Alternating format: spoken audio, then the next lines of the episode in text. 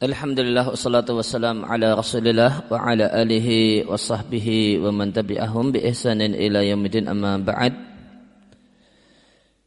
Kaum muslimin dan muslimah peserta kajian Sabtu pagi di Masjid Pakung Raya rahimani wa rahimakumullah kembali kita lanjutkan membaca al-hukmu bi ghairi ma anzalallah karya karya Bundar Al-Utaibi hafizallahu taala kita sampai pada Al-Faslu Athamin, fasal yang ke-8, itihamat sejumlah tuduhan, wa ilzamat dan konsekuensi eh, al-khusum atau paksaan konsekuensi yang diberikan oleh lawan kepada orang yang berpendapat semisal apa yang dikatakan oleh eh, para ulama besar masa ini dalam masalah ini. Yutliku al-ba'du sebagian memberikan sebagian orang memberikan pada orang yang berpendapat semisal apa yang dijelaskan oleh tiga ulama masa ini. Mereka berikan syai'an minal itihamat sejumlah tuduhan. Dan sebagian yuhawil berupaya ilzam al-qail eh, mengharuskan mengharuskan untuk menerima konsekuensi al-qail bidzalika orang yang berpendapat dengan pendapat e, tiga ulama di masa ini bibadil lawazim dengan sejumlah konsekuensi yang buruk. E, maka jawaban dari tuduhan wa ilzamat dan konsekuensi yang dipaksakan adalah dua jawaban global dan rinci. Jawaban global yang pertama, jawaban untuk tuduhan ada tiga poin. Yang pertama adalah tuduhan yang mengada-ada adalah perkara yang bisa dilakukan oleh semua orang.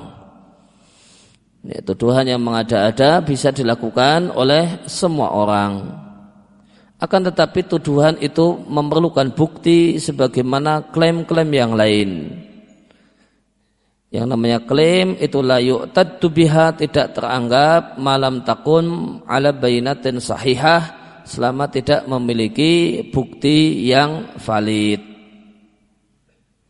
Kemudian yang kedua yang namanya tuduhan-tuduhan tidaklah selamat dari tuduhan para nabi, para nabi dan rasul alaihi wassalatu wassalam tidak pula orang-orang yang mengikuti mereka. Sungguh mereka para nabi dan rasul mendapatkan banyak dari gangguan at-tashwih. Tashwih itu uh, citra yang buruk. Dikesankan uh, dengan kesan-kesan yang jelek. Wataan dan celaan. Namun tuduhan-tuduhan tersebut tidaklah mengurangi derajat mereka, tidak pula menjadikan cacat pada dakwah mereka. Kemudian yang ketiga, yang namanya tuduhan-tuduhan.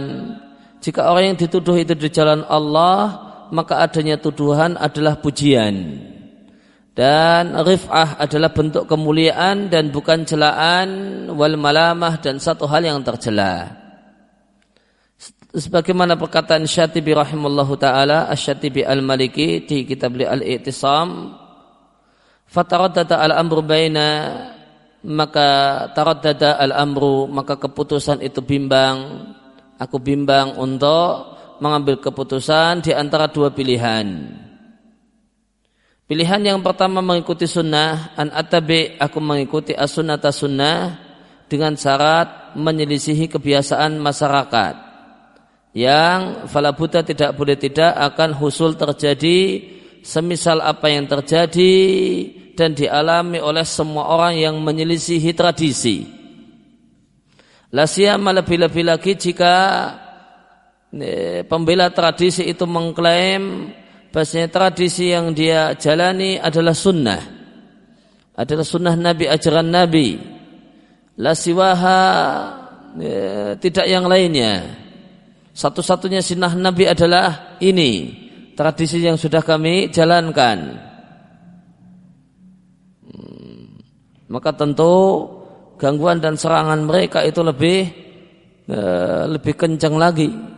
Jika tradisi ini plus keyakinan itulah kebenaran. Ila anna fi abil al kathir namun dalam beban yang berat ini terdapat mafihim nal ajrul jazil terdapat ganjaran yang banyak. Kalau siap ganjarannya besar pilihan yang kedua aku mengikuti masyarakat keinginan masyarakat dan tradisi masyarakat ala syarti mukhalafati sunnah wa salafus salih. Namun syaratnya ya, menyelisih sunnah dan petunjuk salafus salih. Fa'adkhal fi tarjamati dhullal aidan billahi min dhalik maka nanti aku akan termasuk dalam biografi orang-orang yang sesat. Aku akan masuk dalam jajaran orang-orang yang sesat. Aidan billahi min dhalik. Aku berlindung kepada Allah dari hal tersebut. Illa anni uwafiqu al-mu'tad wa adu minal mualifin la minal mukhalifin. Namun kalau aku mau mengikuti mereka maka aku uwafikul mu'tad. Aku adalah orang yang mengikuti kebiasaan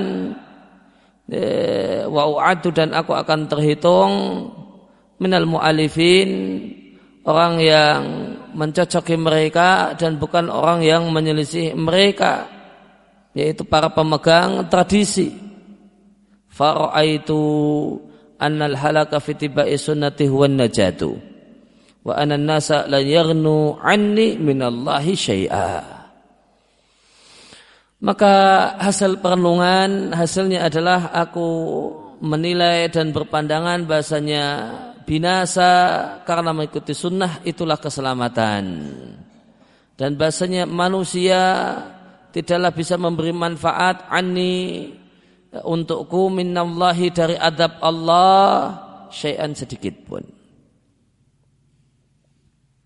Maka Syatibi menceritakan tentang hidupnya ya, yang berada yang berada dalam ya, kegalauan. Ketika dia lihat kebiasaan masyarakatnya itu sebagiannya atau banyak darinya tidak sesuai dengan ajaran Nabi. Maka ada dua pilihan. Maka yang jadi patokan adalah tradisi masyarakat ataukah sunnah Nabi Shallallahu Alaihi Wasallam.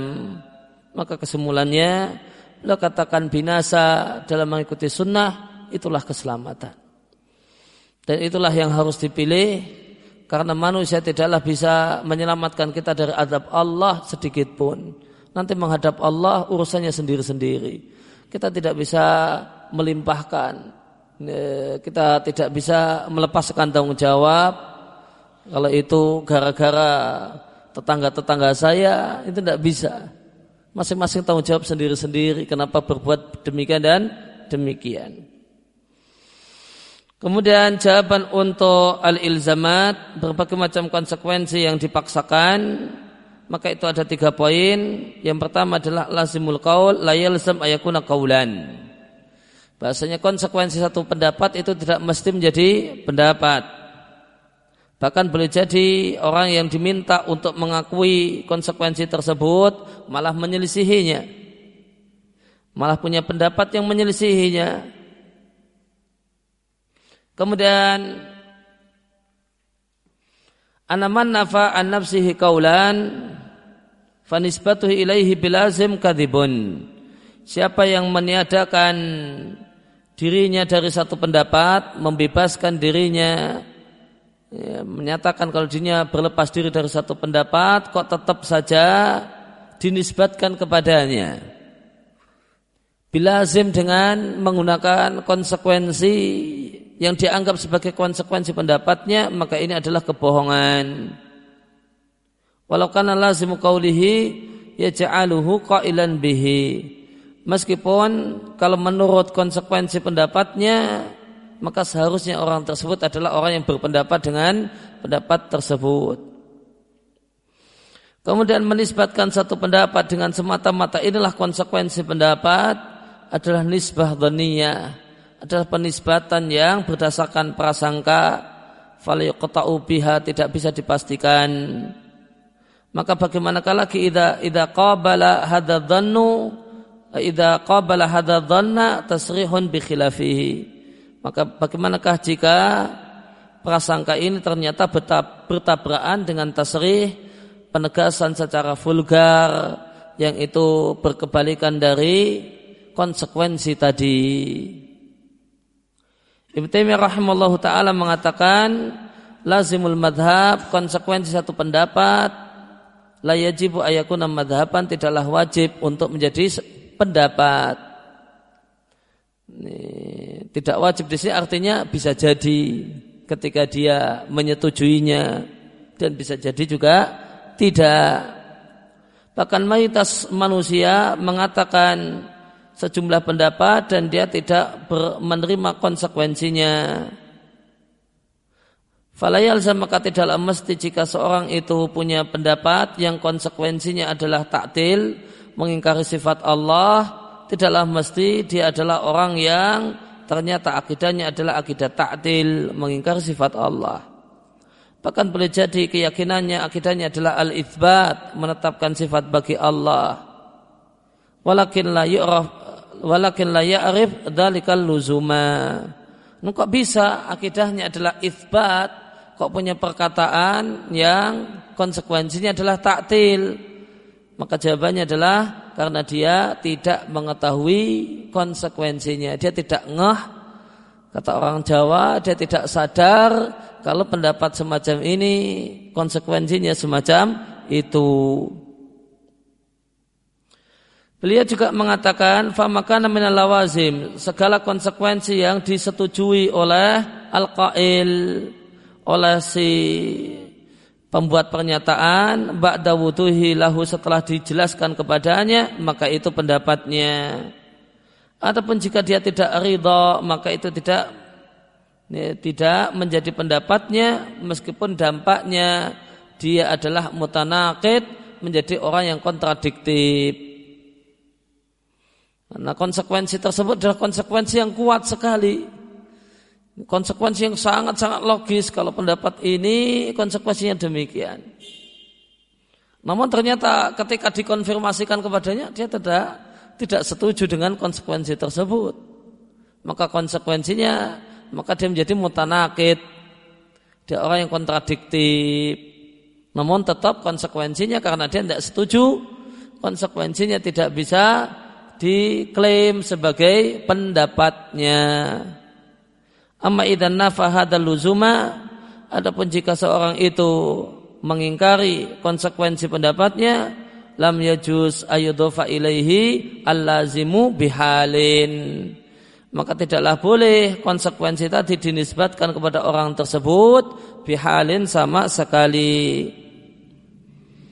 Beliau juga mengatakan, adapun pertanya, eh, pernyataan penanya, apakah konsekuensi pendapat adalah pendapat ataukah bukan pendapat, maka yang benar, analazima madhabil insan, konsekuensi dari pendapat seseorang itu bukan pendapatnya jika dia tidak menerima konsekuensi tersebut. Fa'ina idha kana qad angkarahu wa nafahu maka jika orang tersebut mengingkar konsekuensi dan menegasikannya maka ngotot menisbatkan pendapat tersebut kepadanya adalah kebohongan dan fitnah untuk orang tersebut. Maka tadi disampaikan memaksakan men, uh, satu konsekuensi pendapat sebagai pendapat padahal orangnya sudah berlepas diri maka itu adalah kebohongan terhadap orang tersebut. Bahasa lainnya adalah fitnah. Ini fitnah atas orang tersebut. Ya, maka ketika ada orang yang eh, kemudian celananya congklang, maka konsekuensinya dia adalah teroris. Nah, eh, dia sudah meniadakannya saya bukan teroris meskipun celana saya congklang, enggak. Kamu tetap teroris karena celanamu congklang. Nah, maka itu kadhib, itu fitnah. Itu fitnah. Karena jika dia telah mengingkarinya, dia telah meniadakannya. Saya bukan teroris. Dia mengingkari perbuatan teroris. Kamu tetap tidak, pokoknya kamu teroris karena celanamu cingklang. Nah, karena kamu cingklang, maka kamu teroris. Maka ini adalah dusta dan fitnah atas orang tersebut.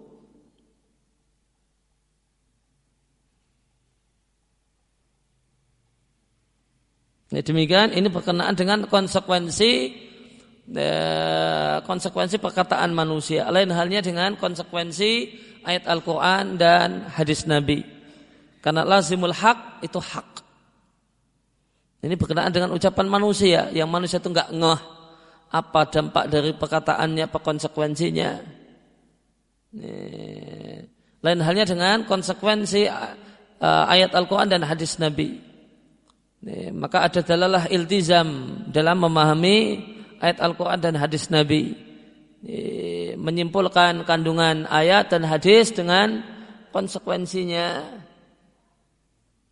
Hmm. Maka itu satu hal yang ya, menunjukkan kecerdasan orang. Semakin dia pandai kemudian menemukan konsekuensi dari ayat Al-Quran dan hadis Nabi, maka dia adalah semakin adalah orang yang semakin mendalam ilmunya dan pemahamannya. Maka konsekuensi ayat Al-Quran dan hadis Nabi yang merupakan kebenaran adalah kebenaran. Namun konsekuensi pendapat seorang manusia maka sebagaimana orang yang di atas. Fa'in kil jika ada yang bertanya, bagaimanakah anda menegaskan bahasanya konsekuensi pendapat bukan pendapat, sedangkan anda membantah, menyanggah orang-orang yang menyelisih pendapat Anda dengan sejumlah ilzamat, pemaksaan konsekuensi. Maka jawabannya orang yang orang ini telah mencampur adukkan dua perkara. Pertama, menisbatkan konsekuensi satu pendapat kepada lawan sebelum yu'arifahu, sebelum diberitahukan kepada orang tersebut dan dia menerima konsekuensinya. Wahada malah aku lebihi. Ini satu hal yang tidak aku katakan. Ini satu hal yang aku tidaklah sepakat dan setuju dengannya. Kemudian membantah orang yang menyimpang dengan menjelaskan dengan menjelaskan konsekuensi pendapatnya dan ini satu hal yang diperintahkan. Dan ini di antara cara dalam berdebat cara dalam di antara bentuk atau cara untuk mematahkan lawan pendapat lawan. Hmm. Karena kaedahnya mengatakan fasadul lazim ya dulu ala fasadil malzum. Jika konsekuensi dari satu pendapat itu adalah satu hal yang fasad, maka menunjukkan kalau pendapat tersebut fasad menunjukkan kalau pendapat tersebut adalah rusak. Jika konsekuensi satu pendapat itu rusak, maka itu menunjukkan kalau pendapatnya adalah pendapat yang rusak. Namun ini di bab bab diskusi, bab munakosah, ya, bukan kemudian bab tuduhan. Kalau di bab munakosa maka kita manfaatkan kaidah ini. Ya, fasatul lazim ya dulu ala fasatil malzum. Konsekuensi yang jelek konsekuensi pendapat yang jelek menunjukkan jeleknya pendapat. Namun kita tidak boleh kemudian berkesimpulan bahasanya ya, dia uh, itu punya fasad gini gini gini dan alasannya adalah sekedar konsekuensi pendapatnya.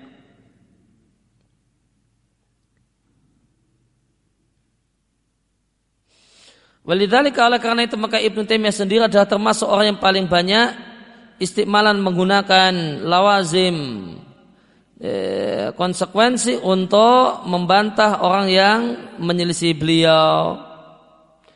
Karena menjelaskan rusaknya satu pendapat itu memiliki beberapa faedah. Yang pertama menunjukkan tanakotnya lawan. Ini bukan untuk menuduh bukan untuk menuduh namun untuk menjelaskan lihat loh ini orang ini tanakot dia tanakut, dia punya pendapat semacam ini, konsekuensinya semacam ini. Konsekuensinya semacam ini. Yang karena menimbang konsekuensi ini harusnya dia membatalkan pendapatnya. Namun tidak.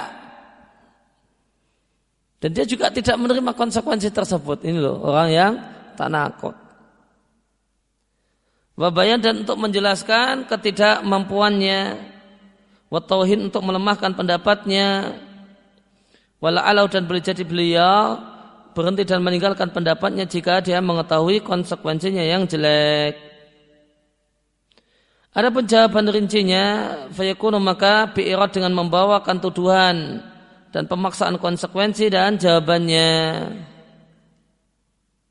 Dan ada empat tuduhan.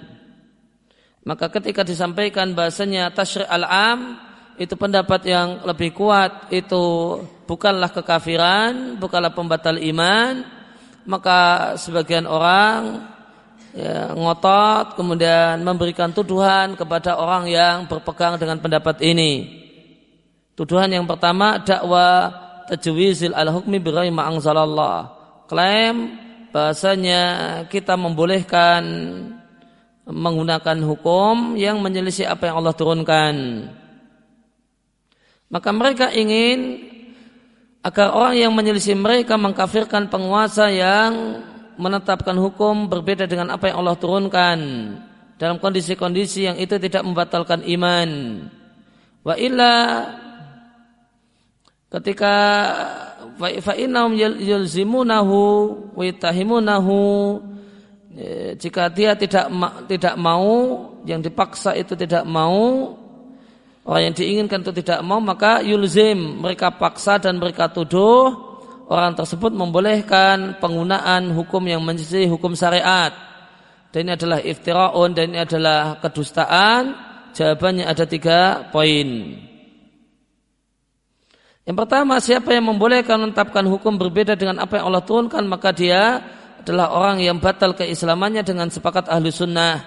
Meskipun dia tidak pernah menutupkan, menetapkan hukum menyelisih apa yang Allah turunkan. Fahal qail? Maka kalau bermain di konsekuensi apakah orang yang punya perkataan ini berani memberikan vonis kafir kepada Syekh Ibnu Bas, Albani, Ibnu Thaymin, catatan kaki, lebih-lebih Ibnu Abbas, Tawus dan Atta bahkan mayoritas salaf Tentu jawabannya mereka tidak akan berani. Kemudian yang ketiga mereka tiga para ulama tiga ulama masa ini tersebut telah menegaskan siapa yang membolehkan menganggap halal menetapkan hukum yang menyelisih hukum Allah maka dia telah batal keimanannya maka tidak ada alasan untuk memaksa mereka dengan konsekuensi pendapat tersebut bima sarahu bi khilafihi ketika mereka telah terus terang belak-belakan menyelisihi konsekuensi tersebut atau yang dianggap sebagai konsekuensi tersebut. Kemudian yang ketiga orang ini telah mencampur adukkan dua perkara. Yang pertama yaitu adalah vonis kafir yaitu merupakan e, sasaran bahasan. Wafihin niza dan di sana terdapat perselisihan bersama orang yang tidak sepakat. Kemudian takzim, fonis dosa, ini satu hal yang tidak diperselisihkan. Wahuwa mayatawaham al khasmu dan ini adalah satu perkara yang silawan tersebut ya, punya anggapan adanya bahasanya yang jadi titik perselisihan adalah masalah ini padahal bukan. Yang yang jadi titik permasalahan, titik perselisihan bukan masalah dosanya orang yang menetapkan hukum berbeda dengan apa yang Allah turunkan. Hal itu disepakati. Yang jadi titik perselisihan adalah kafir enggak, murtad tidak. Orang yang menetapkan hukum berbeda dengan apa yang Allah turunkan. Nah, di sini ada perselisihan. Adapun dosanya orang tersebut semuanya sepakat. Karena ada kewajiban untuk menggunakan dan menerapkan aturan Allah. Kemudian klaim mengkunci atau menggembok pintu vonis kafir. Mereka ingin agar orang yang menyelisih mereka ya, memberikan vonis kafir kepada al-hakim. Orang yang menetapkan hukum berbeda dengan apa yang Allah turunkan dalam hal-hal yang memang tidak membatalkan iman. Wa ila jika orang yang diinginkan tidak mau, maka mereka paksa dan mereka tuduh kalau orang yang tidak sepakat itu menutup pintu vonis kafir dan mengingkari adanya kekafiran di dunia ini. Dan ini adalah kebohongan, jawabannya ada dua poin. Orang-orang yang menyelisih kalian dalam masalah ini mereka punya sejumlah fatwa berisi vonis kafir untuk sebagian perbuatan dan ucapan. Bahkan peminum di antara mereka ada yang punya vonis kafir bitakfir ba'dil muayyanin. Vonis kafir untuk sebagian person-person tertentu. Di antaranya misalnya saya Ibnu Bas, dia punya vonis kafir untuk Saddam Hussein ya, dan yang lain. Kemudian alasan yang kedua, anak ada bahasanya orang yang punya perkataan ini dia telah mencampur adukkan dua permasalahan antara mempersempit vonis kafir dan membatasi vonis kafir hanya dalam perkara yang ada dalilnya dan mengingkari adanya vonis kafir. Yang ini adalah satu hal yang tidak dikatakan oleh satupun ahlu sunnah. Maka ahlu sunnah meyakini adanya orang yang kafir dan batal keislamannya. Karena sejumlah ucapan dan perbuatan tertentu.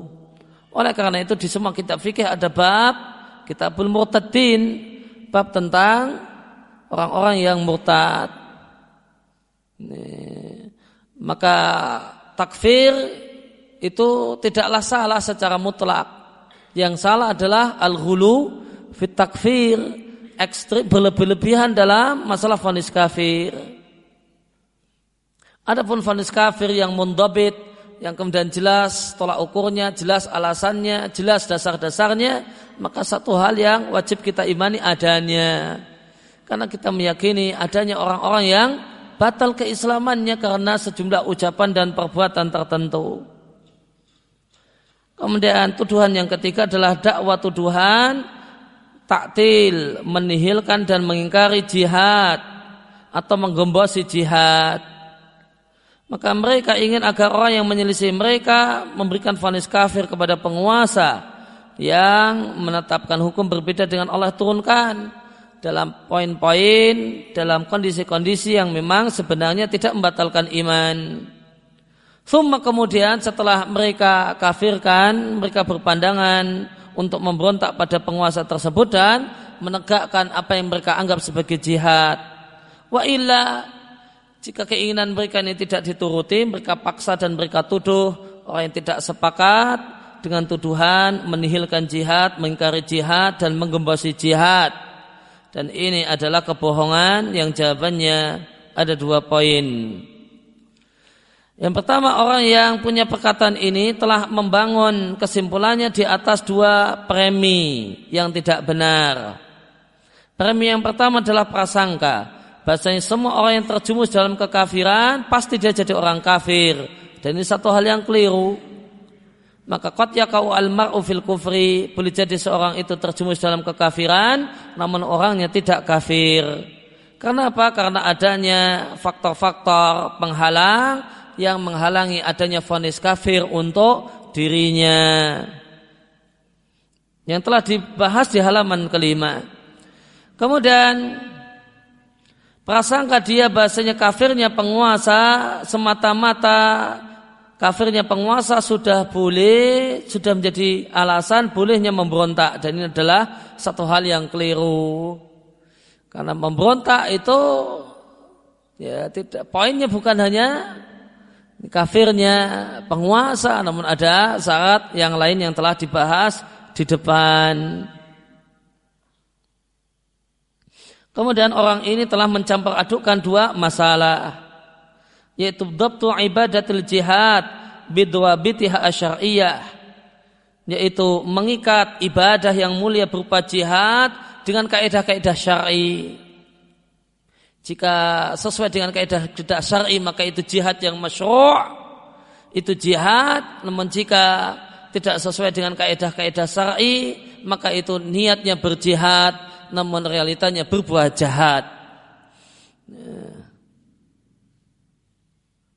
Kemudian e, mengingkari disyariatkannya ibadah jihad dan ini satu hal yang tidak dikatakan oleh satupun ahlu sunnah. Tidak ada alusunah yang mengingkari syariat jihad. Namun yang dituntut adalah gimana jihad tersebut sesuai dengan kaidah syariat. Dan tidak asal teriak ini jihad. Kemudian poin tuduhan yang keempat atau tuduhan yang terakhir, tadi ada empat tuduhan. Ya, tuduhan yang terakhir klaim al-irja, tuduhan murji'ah. Tuduhan eh, eh, maka dalam masalah tasyri'am gampang, eh, gampangannya demikian, maka orang yang tidak menganggap orang yang tidak sepakat kalau tasyri'am itu membatalkan iman dituduh oleh sebagian orang yang meyakininya, yang mereka berlebihan dalam meyakininya dan tutup mata adanya perselisihan dalam masalah ini, mereka tuduh orang yang ya, tidak sepakat dengan mereka dengan tuduhan murjiah. Atau ada juga kemudian yang ngasih nama yang lain mulukiyah katanya ya. Yuriduna mereka menginginkan agar orang yang menyelisih mereka mengkafirkan penguasa yang tidak menetapkan hukum yang Allah turunkan. Ya, misalnya dalam tasyri'am. Ya, yang ini adalah perkara yang ya, menurut penulis adalah satu hal yang tidak membatalkan iman. Jika tidak, maka mereka paksa bil irja. Pastinya Anda penganut faham murji'ah. Maka mereka akan nisbatkan orang tadi kepada murji'ah yang sesat. Atau mereka katakan bahasa subhat murji'ah telah masuk badannya dan mereka tuduh orang tersebut terkena subhat murji'ah dan ini adalah kebohongan dan jawabannya ada tiga poin.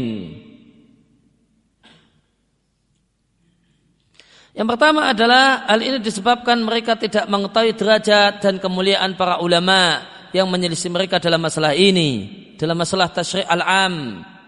Seakan-akan orang yang mengatakan pendapat ini tidak mengetahui bahasanya lawan lawannya atau musuhnya ya, dalam masalah ini adalah ulama ulama besar ahlu sunnah di masa ini. Minimal saya Ibnu Bas dan Al Albani ya, minimal Ibnu Bas dan Al Albani meskipun di sini ditambahkan saya Ibnu Thaimin namun, eh, namun pendapat yang masuk dari saya Ibnu Thaimin adalah adalah fonis kafir untuk tasyri' al-am maka siapa yang mengetahui qadar, derajat dan kemuliaan tiga ulama tersebut, maka tidaklah mungkin baginya kecuali mencintai mereka, mendoakan kebaikan untuk mereka, mendoakan rahmat untuk mereka dan mengambil manfaat dari dengan ilmu mereka. Ya, adapun orang yang uh, ulama yang pertama dari tiga ulama yang mengatakan bahasanya tasri al-am itu tidak membatalkan iman, adalah Abdul Aziz ibn Abdullah ibn Bas rahimallah. Cukuplah bagi anda beliau sebagai seorang pembela Islam dan kaum muslimin, penebar akidah ahli sunnah wal jamaah. Manusia yang kedua adalah Muhammad Nasruddin al-Albani rahimallah.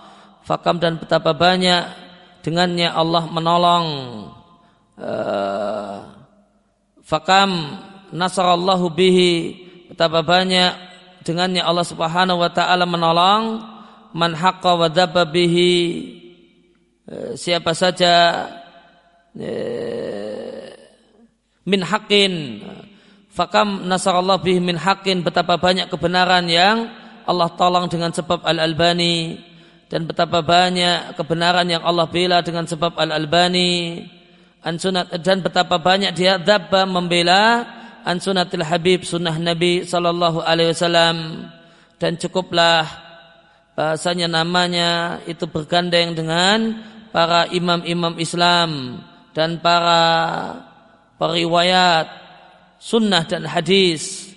Faidah al hadis wa ahlihi, al hadis wa ahluhu, maka jika disebutkan hadis dan ahlul hadis, maka akan ikut di, di barisan mereka Al-Albani.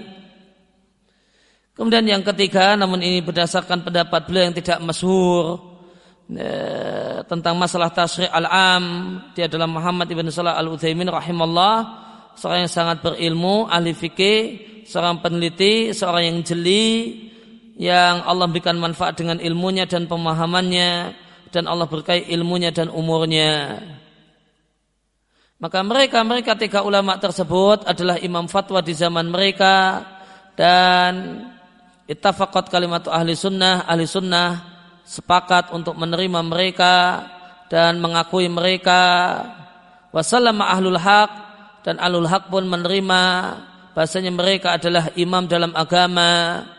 Semoga Allah merahmati mereka meridai mereka dan berikan balasan yang baik atas jasa mereka untuk Islam dan kaum muslimin.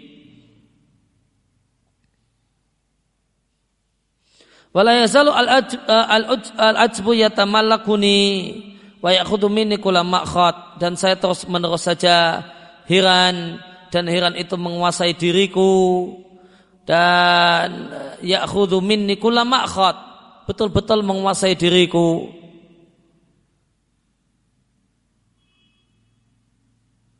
La akul aku tidak katakan heran karena miman siapakah orang yang mereka tuduh dengan tuduhan murjiah.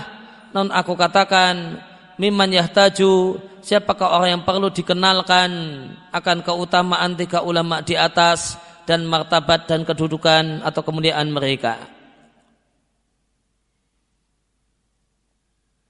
Wa, wa walladhi nafsi bidadihi demi Allah zat yang jiwaku ada di tangannya madhunantu aku tidak punya prasangka akan datang satu hari di mana orang semisal aku harus terpaksa yusatir membuat tulisan untuk teman-temannya sendiri para penuntut ilmu ahli sunnah dalam rangka membela tiga tiga ulama di atas. Seandainya itu terjadi fa'ilallahil mustaka. Ya, maka hanya kepada Allah tempat mengadu. Kemudian poin yang kedua, bahasa orang yang punya perkataan semacam ini tidak mengetahui perbedaan antara alusunnah dan murjiah dalam masalah fonis kafir. Padahal di antara keduanya adalah perbedaan antara langit dan bumi. Keyakinan alusunnah hanyalah kebenaran dan keyakinan mereka dan keyakinan selain ahlu sunnah dari kalangan berbagai macam kalangan ahli bid'ah seperti murjiah kot yakunu hakon boleh jadi benar dalam perkara-perkara yang mencocoki ahlu sunnah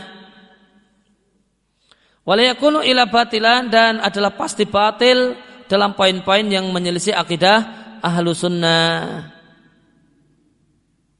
Kemudian tanbih catatan yukti adalah keliru dan salah orang yang punya sangkaan. Bahasanya kecocokan sebagian aliran sesat dengan ahli sunnah. Tu'atu aiban. Itu tergolong adalah aib untuk ahli sunnah. Wadhalika dan hal tersebut adalah kecocokan sebagian ahli bid'ah terhadap ahli sunnah dalam selain bid'ah yang mereka miliki ada satu hal yang jelas bahkan hampir-hampir tidaklah dijumpai ada satu uh, firqatul mubtadi'ah aliran sesat yang menyelisih ahlu sunnah dalam semua perkara maka satu hal yang disadari ya, tidak ada aliran sesat itu yang sesat dalam semua poin. Ya, tidak kemudian tidak ada aliran sesat yang sesat dalam semua poin. Mereka boleh jadi uh, aliran sesat khawarid mereka ya, tidaklah sesat dalam semua poin. Mereka meyakini sholat itu wajib, puasa itu wajib. Apa itu sesat? Tidak sesat. Maka tidak ada satupun ahli bid'ah atau hampir-hampir tidak dijumpai satu aliran sesat yang menisbatkan diri kepada Islam dan dia sesat dalam semua masalah. Dia cuma sesat dalam beberapa masalah. Dan tidak sesat dalam sejumlah masalah. Nah, maka tentu ketika dia tidak sesat dalam sejumlah masalah, di situ kita bisa pastikan keyakinan dia mencocoki ahlu sunnah. Dalam masalah tersebut, Eh, mereka ini mencocoki ahlu sunnah karena mereka tidak sesat dalam masalah itu. Dan adanya titik kesamaan antara ahlu sunnah dengan ahli bid'ah dalam perkara yang memang ahli bid'ah itu tidak sesat di dalamnya itu bukan aib bagi ahlu sunnah. Itu tidak mengharuskan kemudian ahlu sunnah uh, kemudian bingung dan uh, kita perlu punya pendapat apa supaya beda dengan dia. Tidak demikian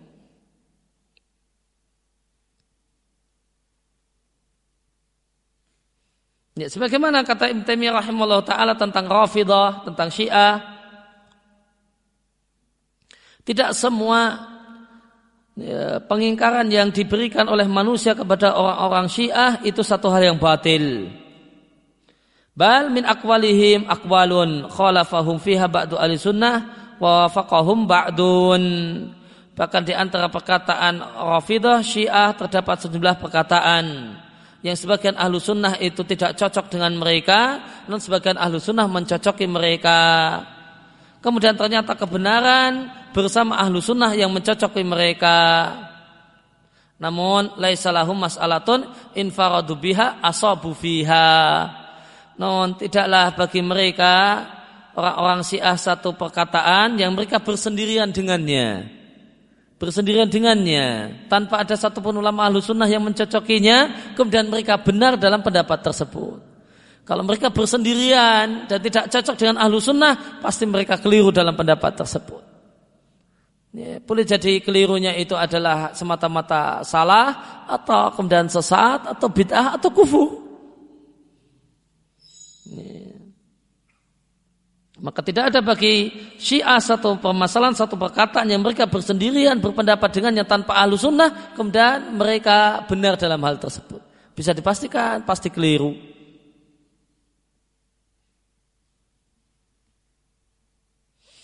Wa akul dan aku katakan hakikatu hadal farqi hakikat dari perbedaan ini tata masal tergambar dalam masalah bahasanya murjiah mempersyaratkan iktikad semacam keyakinan halal dalam semua perkara alati tukafiru biha ya, yang itu membatalkan iman.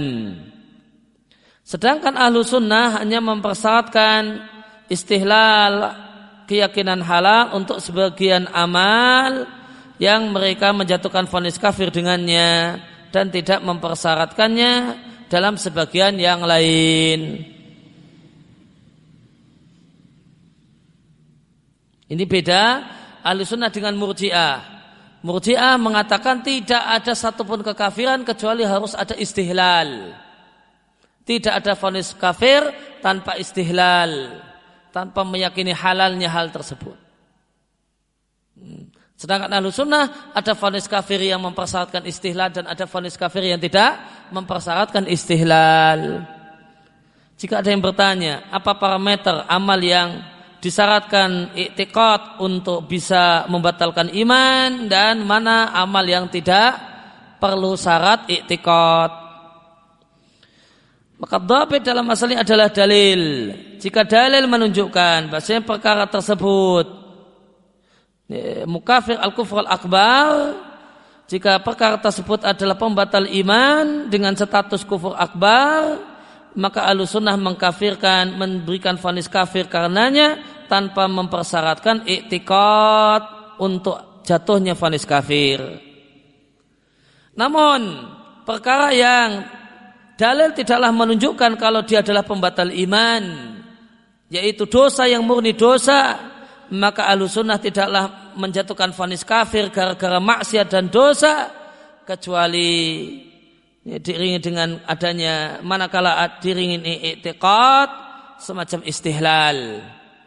Semacam istihlal meyakini halalnya. Meyakini halalnya maksiat atau karena mereka beranggapan juhud. Beranggapan mengingkari kewajibannya mengingkari hukum tersebut secara total maka yang jadi dhabit jadi tolak ukur adalah dalil.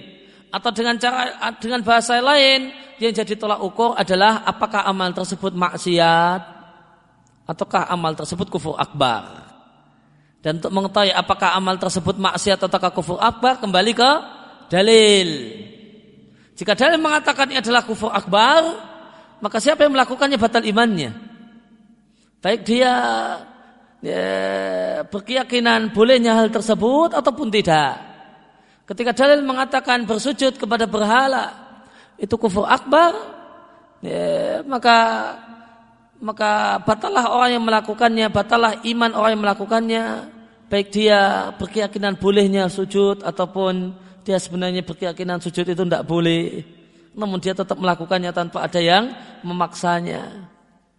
Kalau itu kufur akbar, maka tidak ada syarat iktikad. Tapi jika itu berdasarkan dalil ini adalah maksiat, kesimpulannya ini maksiat. Ini maksiat. Nah, kalau itu maksiat, maka maksiat itu jadi pembatal iman jika diiringi dengan istihlal. Keyakinan kalau itu halal. Nah, bagaimana dengan tasri'am? Tasri'am itu diperselisihkan. Apakah dia maksiat ataukah kufur akbar? Nah kalau maka ada ulama semacam Ibnu Bas dan Al-Bani mengatakan bahasanya tasyri' al-am adalah maksiat. Ya kalau dia meyakini itu maksiat, ya, kalau dia meyakini itu maksiat, maka konsekuensinya ya akan ada persyaratan istihlal untuk vonis untuk jatuhnya vonis kafir.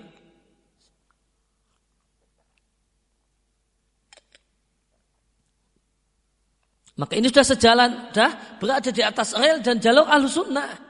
Karena mereka meyakini berdasarkan dalil kalau itu maksiat, dosa, dan bukan kekufuran, maka mereka mempersyaratkan adanya kerusakan iktikad untuk Eh, untuk vonis kufur, vonis batal iman dalam masalah ini. Di antara syarat i'tiqad adalah istihlal, meyakini halalnya. Kemudian uh, juhud dan juhud ini berpasangan dengan imtina. Berpa, berpasangan dengan imtina. Apa beda juhud dengan imtina? Maka misalnya ya, zina, haramnya zina. Maka juhud adalah orang yang beranggapan bahasanya zina itu tidaklah haram. Baik untuk saya ataupun untuk orang lain. Itu namanya juhud. Terhadap hukum haramnya zina. Kemudian pasangan dari juhud adalah imtina. Imtina dalam istilah akidah artinya adalah dalam contoh berkenaan dengan haramnya zina, maka dia katakan zina itu haram untuk orang lain namun tidak haram untuk saya. Hmm. Saya levelnya tidak tidak selevel dengan mereka mereka. Nah, ya, saya makomnya makom tinggi dan makom atas, nah, ya, maka itu tidak haram untuk saya. Namun haram untuk yang lain, tapi untuk saya tidak haram. Itu namanya imtina.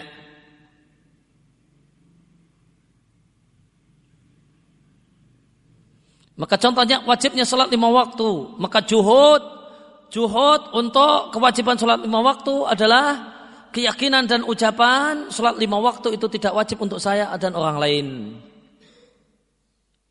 Imtina ya, berkenaan dengan masalah kewajiban sholat lima waktu, sholat lima waktu itu wajib untuk mereka-mereka, namun tidak wajib untuk saya dan orang-orang yang sejenis dengan saya. Itu namanya imtina. Maka juhud ini e, maksiat ya, jika diri dengan juhud, jika diri dengan imtina, maka itu membatalkan iman.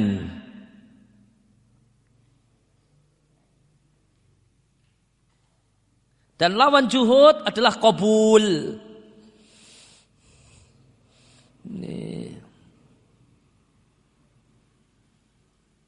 Lawan dari juhud adalah kabul. Maka kabul terhadap kewajiban sholat lima waktu meyakini sholat lima waktu itu wajib untuk saya dan semua orang. Zina itu haram untuk saya dan semua orang. Itu kabul dengan hukum haramnya zina.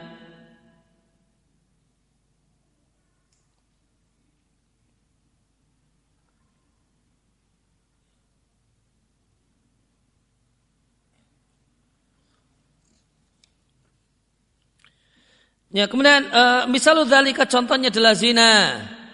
Maka tidak terdapat dalil yang menunjukkan batal iman karena zina.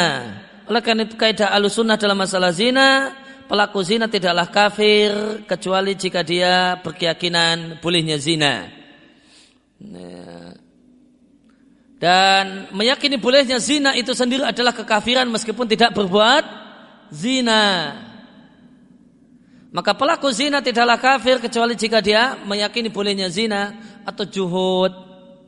Atau dia mengingkari haramnya zina atau imtina.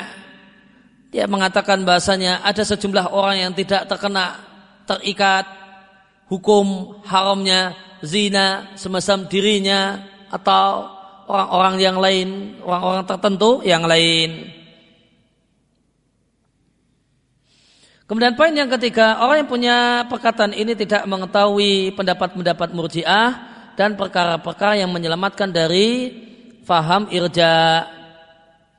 Fakat nasa aimatul Islam, para ulama Islam telah menegaskan setelah masalah siapa yang berpendapat dengannya maka dia telah menyelisih murjiah dan terbebas dari faham irja. Dan ini ada lima poin. Ada lima poin yang dijadikan oleh para ulama sebagai titik beda ya, murjiah dengan ahlu sunnah. Ada lima poin pembeda antara murjiah dengan ahlu sunnah. Yang pertama, siapa yang mengatakan bahasanya iman adalah ucapan, keyakinan dan amal, maka dia telah menyelisihi murjiah.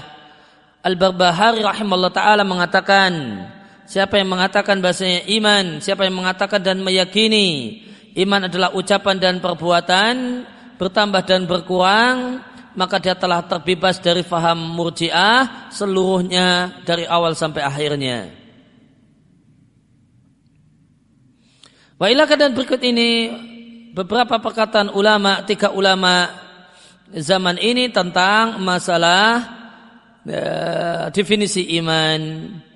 Ibnu Bas rahimahullah taala memberikan komentar untuk akidah Tohawiyah di mana penulis matan akidah Tohawiyah mengatakan iman itu adalah ikrar dengan lisan dan percaya dengan hati. Maka dikomentar oleh Ibnu Bas ini adalah definisi iman yang fihi nazar kurang tepat dan kusur dan tidak sempurna. Yang benar yang menjadi akidah Ahlussunnah wal Jamaah iman adalah ucapan dan perkataan dan perbuatan dan keyakinan bertambah karena taat dan berkurang karena maksiat dan mengeluarkan amal badan dari iman adalah keyakinan murjiah. Al-Albani rahimallahu taala memberikan komentar untuk kalimat yang sama di taklik beliau untuk matan akidah Tahawiyah. Ini adalah keyakinan Hanafiyah dan Maturidiyah menyelisih keyakinan salaf dan jumhur yang sangat banyak dari umat ini. Sedangkan saya menurut saya rahimahullah ta'ala mengatakan iman menurut ahli sunnah wal jamaah adalah pengakuan dengan hati, ucapan dengan lisan, dan amal dengan anggota badan. Dan poin kedua pembeda ahlu sunnah dengan murjiah, siapa yang mengatakan iman itu bertambah dan berkurang, maka dia telah menyelisihi murjiah. Imam Ahmad rahimahullah ta'ala ditanya tentang orang yang mengatakan iman itu bertambah dan berkurang. Bertambah sehingga tak terhingga dan berkurang sampai akhirnya habis. Itu batal iman. Dia berusaha berkurang, berkurang, berkurang sampai akhirnya batal iman. Namun kalau namun, eh, namun kalau iman itu berkurang berkurang namun tidak sampai batal, tidak sampai habis, maka ini bukan keyakinan ahlu sunnah. Orang ini telah terbebas dari murjiah. Al-Barbahari mengatakan siapa yang mengatakan iman adalah ucapan dan perbuatan bertambah dan berkurang, maka dia telah terbebas dari faham murjiah seluruhnya, awalnya sampai akhirnya. Berikut ini perkataan tiga ulama zaman ini tentang masalah bertambah dan berkurangnya iman. Ibnu Bas rahimahullah taala mengomentari konten akidah Tahawiyah yang mengatakan iman itu tunggal dan ahluhu dan orang-orang yang beriman dalam pokok iman itu sama. Maka kata komentar beliau hadza fihi ini adalah perkataan yang kurang tepat bahkan ini batil. Maka orang yang beriman tidaklah sama dalam iman, bahkan mereka bertingkat-tingkat dengan tingkatan yang sangat besar. Inilah ucapan ahli sunnah yang menyelisihi keyakinan murjiah. Al-Albani rahimahullah ta'ala mengatakan maka Hanifiyah maka Hanafiyah seandainya mereka bukanlah orang yang menyelisih jamahir umat Islam dengan perselisihan yang hakiki dalam pengingkaran mereka bahasanya amal itu bagian dari iman tentu mereka harusnya sepakat dengan jumhur umat Islam yang mengatakan bahasa iman itu bertambah dan berkurang. Ditambah apalagi tadafur sangat banyak dalil Al-Quran dan Sunnah dan asar salaf yang menunjukkan hal ini. Kalau iman itu bertambah dan berkurang.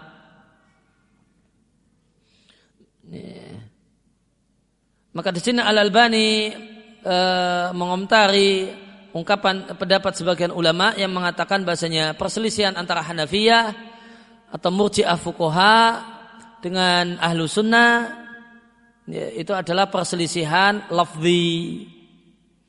Ya, sebagian ulama berpendapat demikian. Perselisihan mereka adalah perselisihan lafzi. Ahlu sunnah atau jumhur ahlu sunnah mengatakan bahasa iman adalah ucapan lisan, keyakinan hati dan amal badan.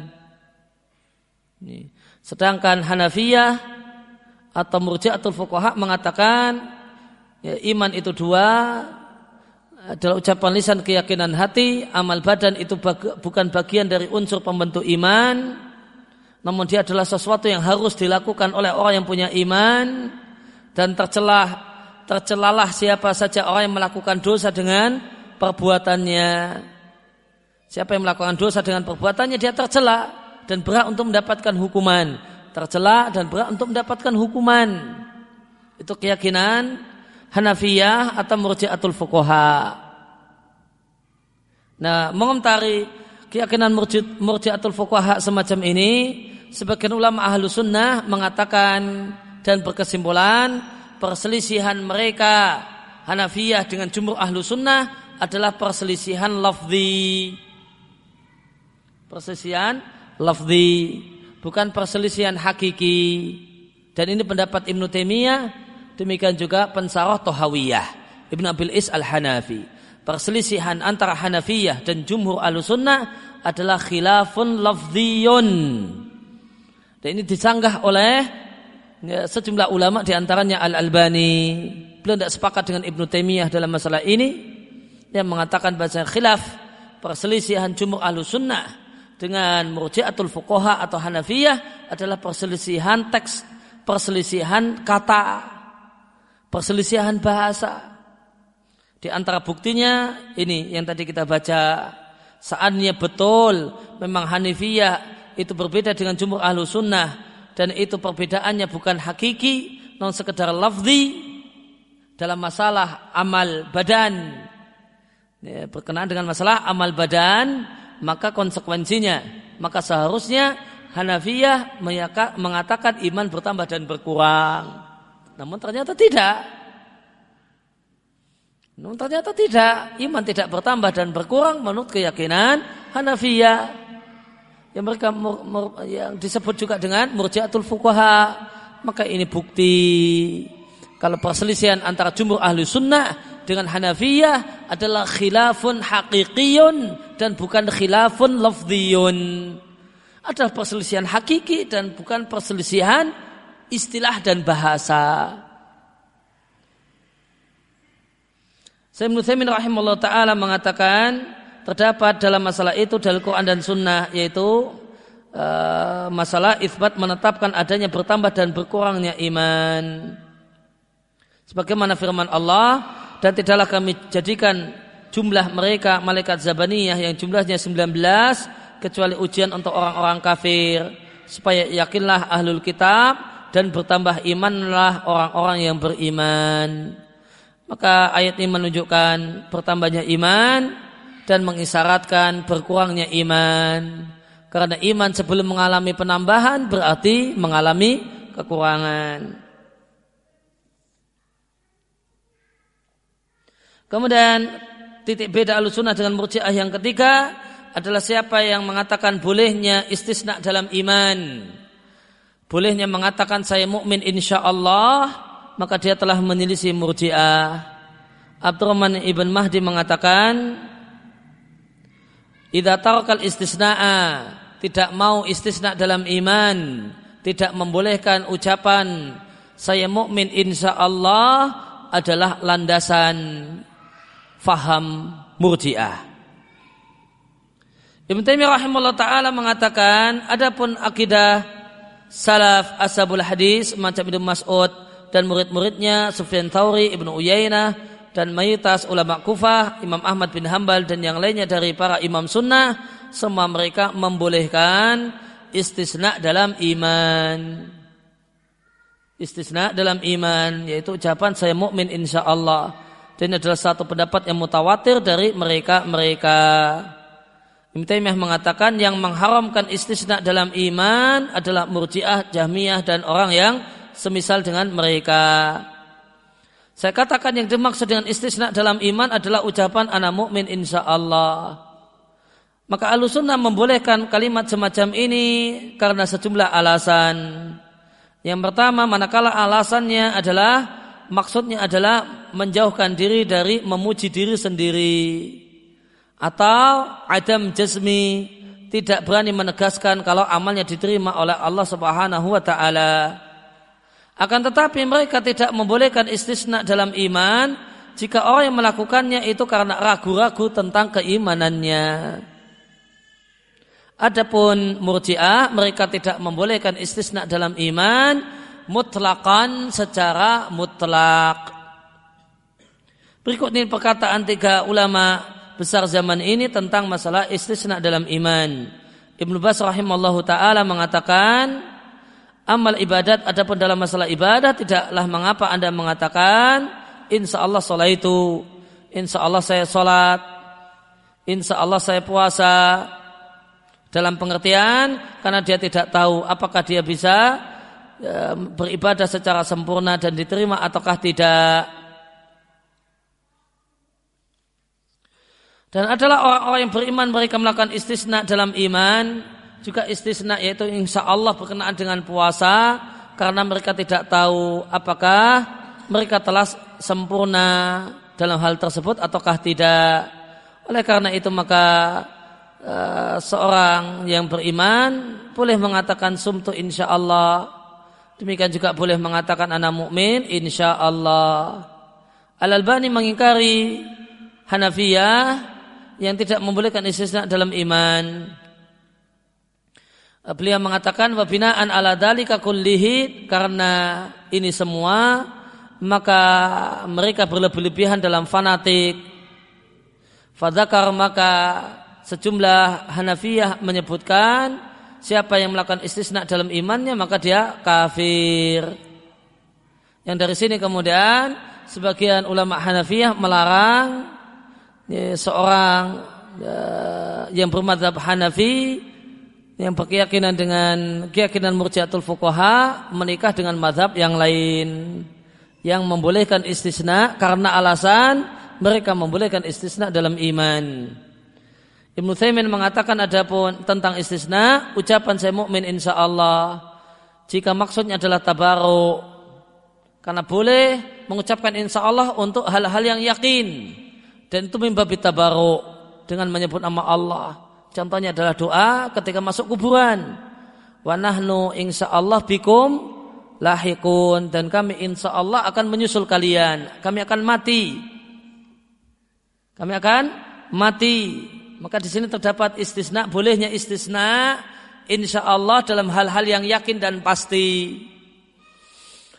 Terus kenapa perlu istisna, perlu insya Allah? di kalimat semacam ini mimbabit tabaruk untuk tabaruk ngalap berkah dengan menyebut nama Allah.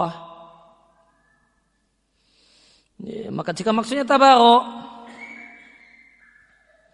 ya, maka ucapan saya mukmin insya Allah jika maksudnya tabaruk atau maksudnya adalah imanku itu terjadi dengan kehendak Allah maka ini satu hal yang benar, tidak ada masalah padanya, jais satu hal yang benar.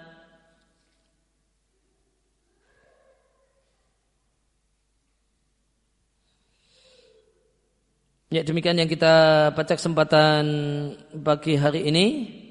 Ya wasallallahu ala nabiyina Muhammadin wa ala alihi wasallam wa alhamdulillahi rabbil alamin. Subhanaka Allahumma wa bihamdika Asyhadu an la ilaha illa anta astaghfiruka wa atubu ilaik. Insyaallah kita lanjutkan esok pagi di Masjid Al Asri.